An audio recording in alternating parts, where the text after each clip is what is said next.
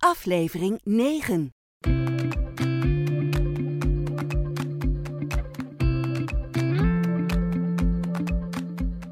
Dit is een podcast van Advocaten, Familie en Erfrecht met Inge Diepman en Joost Dix.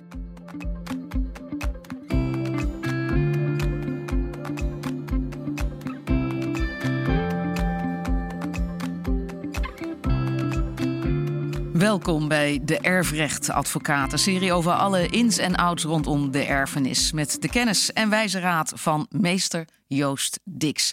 Specialist familie- en erfrecht, partner bij Advocaten Familie- en Erfrecht. En dat is gevestigd in Eindhoven en ook in Utrecht en Limburg. Joost, wat leuk, daar zitten we weer. Daar zijn we weer, hè? Ja, want dit is niet de eerste serie die wij samen maken. Dit is een nieuwe reeks, Erfrecht Advocaat afleveringen. Twaalf afleveringen in totaal dit keer. Dat betekent dat de eerste serie jou goed is bevallen? Ja, hij is mij heel goed bevallen, maar ik heb gelukkig gehoord heel veel anderen ook. Uh, dat is natuurlijk wel heel fijn. Ja, en waarom? Is, eh, wat heb jij gedaan met die serie? Of wat hebben we gedaan met die serie? Hebben we mensen uh, overtuigd van het belang van enige kennis over erfrecht? Of hebben we mensen gewoon enthousiast gemaakt, net als ik, omdat erfrecht zo razend interessant is?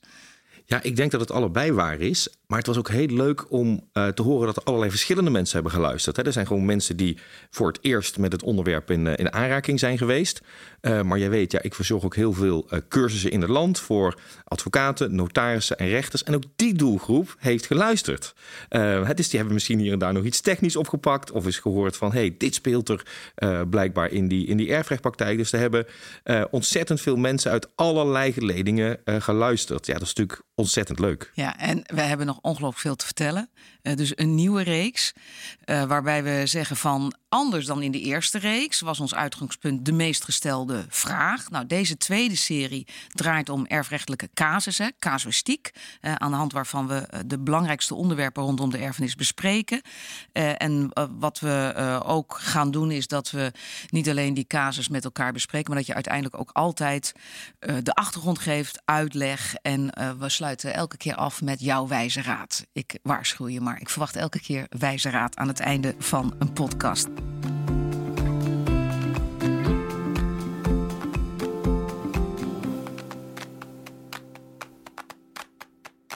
Uh, dit is de eerste aflevering. Die is toch een beetje anders dan uh, de andere elf die volgen. Want ik grijp deze gelegenheid toch maar weer even aan om degene die de eerste reeks niet gehoord heeft, niet weet wie Joost Dix is, uh, om die met jou kennis te laten maken. Allereerst, waarom? Waarom ben jij erfrechtadvocaat geworden? Want je had strafrecht kunnen gaan doen. Je had bestuursrecht kunnen gaan doen. Je had vreemdelingenrecht kunnen gaan doen. Ja, goede vraag. Ik heb zelf notarieel recht gestudeerd naast Nederlands recht. En tijdens die studie notarieel recht ben ik gegrepen door de vakken familie en erfrecht. Waarom? Ja, het is uh, behalve dat je het echt. Je bent de hele dag met mensen in de weer. Hè? Dus je hebt echt mensen aan tafel die je vooruit kunt helpen. En mensen die bij ons in de praktijk komen hebben niet vaak het, uh, die hebben vaak problemen, hè, dus vaak moeilijkheden. Daarmee kun je die mensen, mensen vooruit helpen. En de, de jurist in mij, de vakidioot, die zegt: er zit nog een tweede hele mooie, heel mooi element aan dat familie- en erfrecht. En dat is namelijk techniek.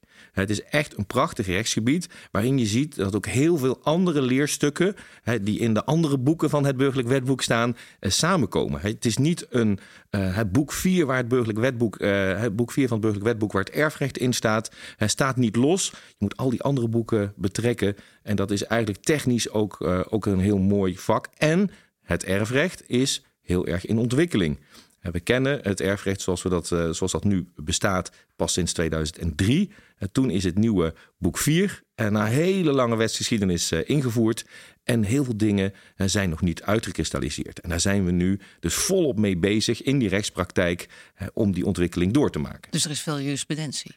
Ontzettend veel, ja. En welke kant gaat het dan op? Waar, waarom zie je dus nu ontwikkeling in het erfrecht? Waarom is er dus blijkbaar een vernieuwingsslag? Past het zich aan aan onze tijd?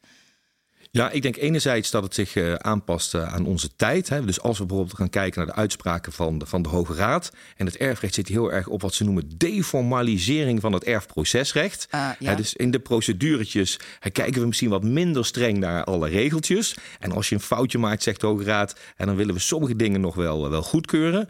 Misschien kijken we ook inmiddels wat minder naar de rechtszekerheid. Dus in elke situatie wordt hetzelfde geoordeeld. Daar kijken we misschien wat minder naar, maar meer wat is een gewenste uitkomst? dat is ook, als we bijvoorbeeld kijken naar de uitleg van testamenten, zien we een enorme ontwikkeling. dat de rechtspraak en masse, hebben we vorige keer nog over gehad in de vorige, vorige serie, testamenten aan het uitleggen zijn. Ook die misschien qua tekst wel duidelijk zijn, we gaan toch uitleggen. dus, en we zien natuurlijk um, ja, eh, de maatschappij veranderen. we zien de samengestelde gezinnen. we zien een hele vermogende generatie die overlijdt. Ja, en dat is natuurlijk ook um, voer voor discussie en dus voor uh, procedures. En dus voor werk aan de winkel. En dus voor werk aan de winkel, zeker. Ja, ja. In die zin kun je je schap zetten voor uh, komende decennium, twee decennia. Ja, zonder meer waar. Eh, de erfrechtadvocaat gaat het heel, gaat het heel druk krijgen. Dat heeft natuurlijk te maken met die, die hele rijke generatie die, die gaat, gaat overlijden. Ik zeg, ik zeg wel eens gekscherend, nou, je hoeft maar een huis te hebben. En er zit zomaar een paar ton overwaarde in. Nou, dus, zeker, zeker nu. Hè? Zeker nu dus er is iets om ruzie over te maken, zeiden we in de, in de vorige serie. Eh, maar ook inderdaad de samengestelde gezinnen. Dan hebben we het nog niet eens over de ondernemingen. dus er is van alles ehm, ehm, eh, om, om, om gedoe over te krijgen, om moeilijke nalatenschappen te hebben en om ruzie over te krijgen. Ja, want wat, wat is over het algemeen, wat kom je over het algemeen tegen als onderliggend oorzaak van ruzie? Van het feit dat je op een gegeven moment zegt: we komen er met z'n allen niet uit. We hebben een erfrechtadvocaat nodig ja, vaak wordt gezegd, het zit dan in oud zeer. En dat is gedeeltelijk ook waar. Hè? Dus dat gezegd wordt, nou, als die tweede ouder overlijdt, er is dan niemand die toezicht houdt meer op de kinderen, hè, dan gaan we de rekening vereffenen en dan gaan we ons, uh, dan gaan we ons schap zetten. Dat klopt gedeeltelijk. Het is een beetje alsof de olie uit de radar is gevloeid of het cement losraakt. Precies, hè? en overal waar er nog iets recht te zetten moet worden. Gebeurt dat dan bij na dat overlijden van Al die, die lijken komen uit de ja, kast. Ja, maar ook in allerlei andere verhoudingen zien we het. En we zien ook heel veel technische geschillen. Ik zei net al, die uitleg van het testament. Daar kan een geschil over ontstaan. Maar ook in al die andere verhoudingen. Hebben we het vorige keer gehad over de executeur. daar kan gedoe mee ontstaan. Of met de vereffenaar die afwikkelaars van die boedels, waar de erfgenamen misschien, uh, misschien gedoe mee krijgen. maar ook waarderingsproblematiek. Wat is iets nou eigenlijk waard in de nalatenschap? Hoe moet het verdeeld worden? dus er kunnen allerlei, uh, allerlei oorzaken zijn. Ja, dat betekent dat jij als erfrechtadvocaat in een pool van emotie moet acteren. Betekent dat ook dat als je jezelf vergelijkt met uh, bijvoorbeeld een strafrechtadvocaat of een uh, ondernemingsadvocaat, uh, een, een, noem ze maar op, vreemdelingenrechtadvocaat, dat jij anders van karakter bent? Nou, dat zou ik niet per se willen zeggen, want um, het recht is volgens mij in algemene zin doorspekt van emotie. Als we naar het strafrecht zouden kijken, dan zitten natuurlijk emoties in, vreemdelingenrecht ook. Hè? Dus, maar um, um, als je kijkt naar het familierecht, dan zitten we vaak midden in het gedoe waar de mensen mee te maken hebben erfrecht zit er soms iets uh, op een iets later tijdstip, hè, want dat overlijden heeft al plaatsgevonden maar ik ben, het, ik ben het met je eens. Als je het, het, het onderscheid wordt wel eens gemaakt tussen de ondernemingsrechtadvocaat en de erfrechtadvocaat. dan, eh, dan zou je inderdaad kunnen zeggen dat die erfrechtadvocaat met veel meer emoties te maken heeft dan die ondernemingsrechtadvocaat. Hoewel we dat laatste natuurlijk ook niet helemaal uit mogen vlakken. Want als er iets met je onderneming aan de hand is, dan kan dat natuurlijk voor de ondernemer ook heel veel doen.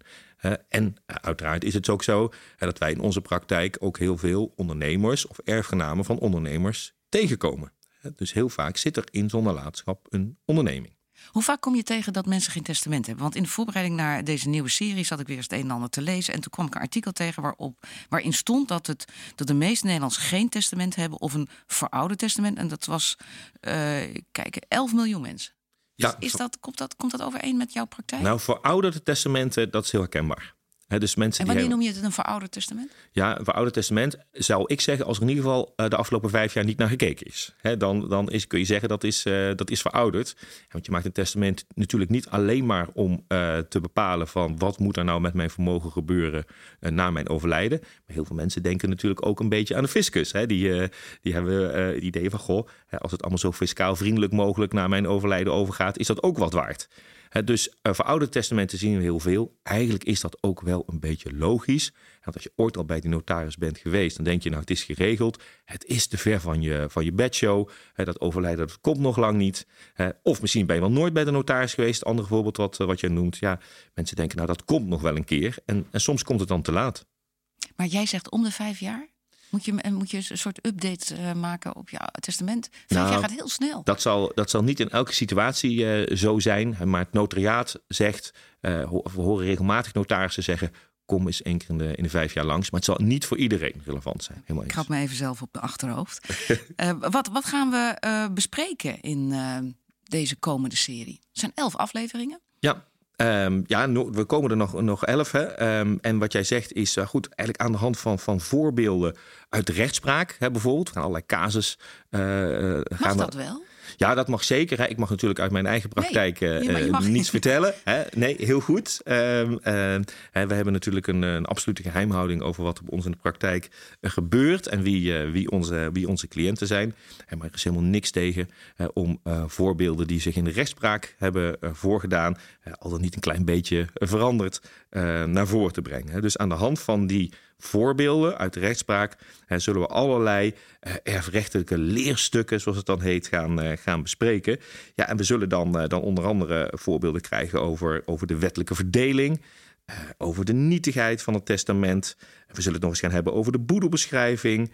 Aanvaarding van de nalatenschap. Hè, weet je nog van vorige keer, dat belangrijke onderwerp. hè? Zuiver, beneficiair. Ja, ja eh, onttrekkingen aan de nalatenschap. We zullen de schuldeisers van de nalatenschap bespreken.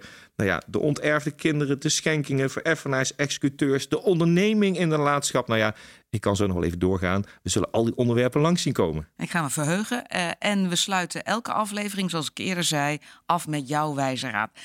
Nou, misschien is dit een inkoppertje, maar wat is jouw wijze raad aan het einde van deze podcast?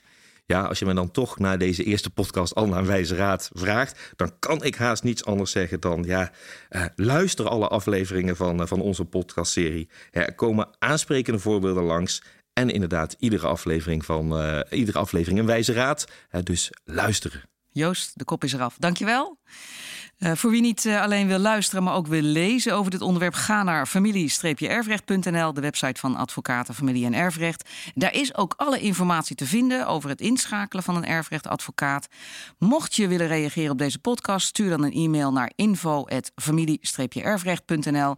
Overigens kun je ook altijd een reactie achterlaten op iTunes. Onze tweede aflevering gaat over een vader, een stiefmoeder en vijf kinderen. Ofwel, Joost gaat het hebben over de wettelijke Dank voor het luisteren. Prettige dag.